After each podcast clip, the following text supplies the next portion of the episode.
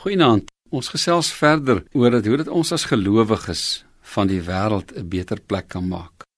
En ons doen dit na aanleiding van Jesus se gebed, sy laaste gebed vir sy gelowiges, sy volgelinge, sy disippels in Johannes 17. Ek gaan dieselfde vers vanaand weer lees van die voorwaarde wat hy stel.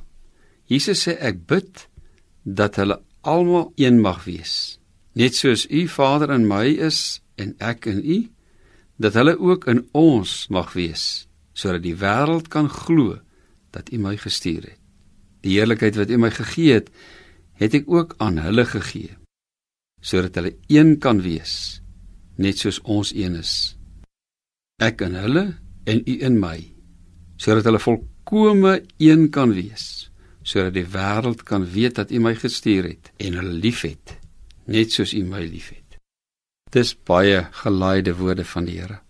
Hy sê soos Jesus en die Vader een is, een in wese is, hoewel hulle in hulle rolle in die drie eenheid verskil, so moet die gemeenskap van gelowiges ook in hulle getuienis, ook in hulle saamwees, een wees. Ons skuld dit aan die wêreld om die eenheid van God, die drie enige God sigbaar te maak in ons optrede, in ons getuienis in hierdie wêreld maar ons skuld dit ook aan die Here dat ons dit sigbaar sal maak. Nou weet ek, daar's baie sterk argumente vir die onsigbare en sigbare eenheid en dat ons nie die eenheid ten koste van die waarheid kan doen nie. Dis belangrike sake, maar dit kan nooit belangriker wees as die kern van die kern van die kern van ons geloof.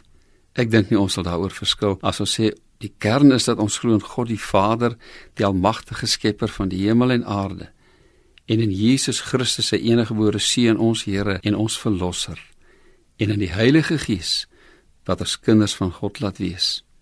Maar dan sal ons ook verskil en dan kan ons ook maar verskil oor aanbiddingstyle, oor musiek, oor liedere, oor inrigting van eredienste, oor wie mag preek en wie mag nie preek nie. Ons kan selfs verskil oor lidmaatskap en oor hoe ons die doop bedien. Ek besef dis gelaaide dinge wat ek sê, maar ons kan nie wegkom daarvan dat ons by die kern van ons geloof moet bly sodat ons in ons getuienis vir die wêreld nie verswak word nie. Mag die Here vir ons elkeen die regte gesindheid gee van Christus om mekaar se hande te vat te midde van groot verskeidenheid en so die wêreld te demonstreer dat God 'n lewende Here is. Here ons God, dankie dat ons hierdie moeilike saak voor U kan bring waarin ons so verskillend is en tog hierdie opdrag het om mekaar vas te hou in 'n gebroke wêreld. In Jesus se naam. Amen.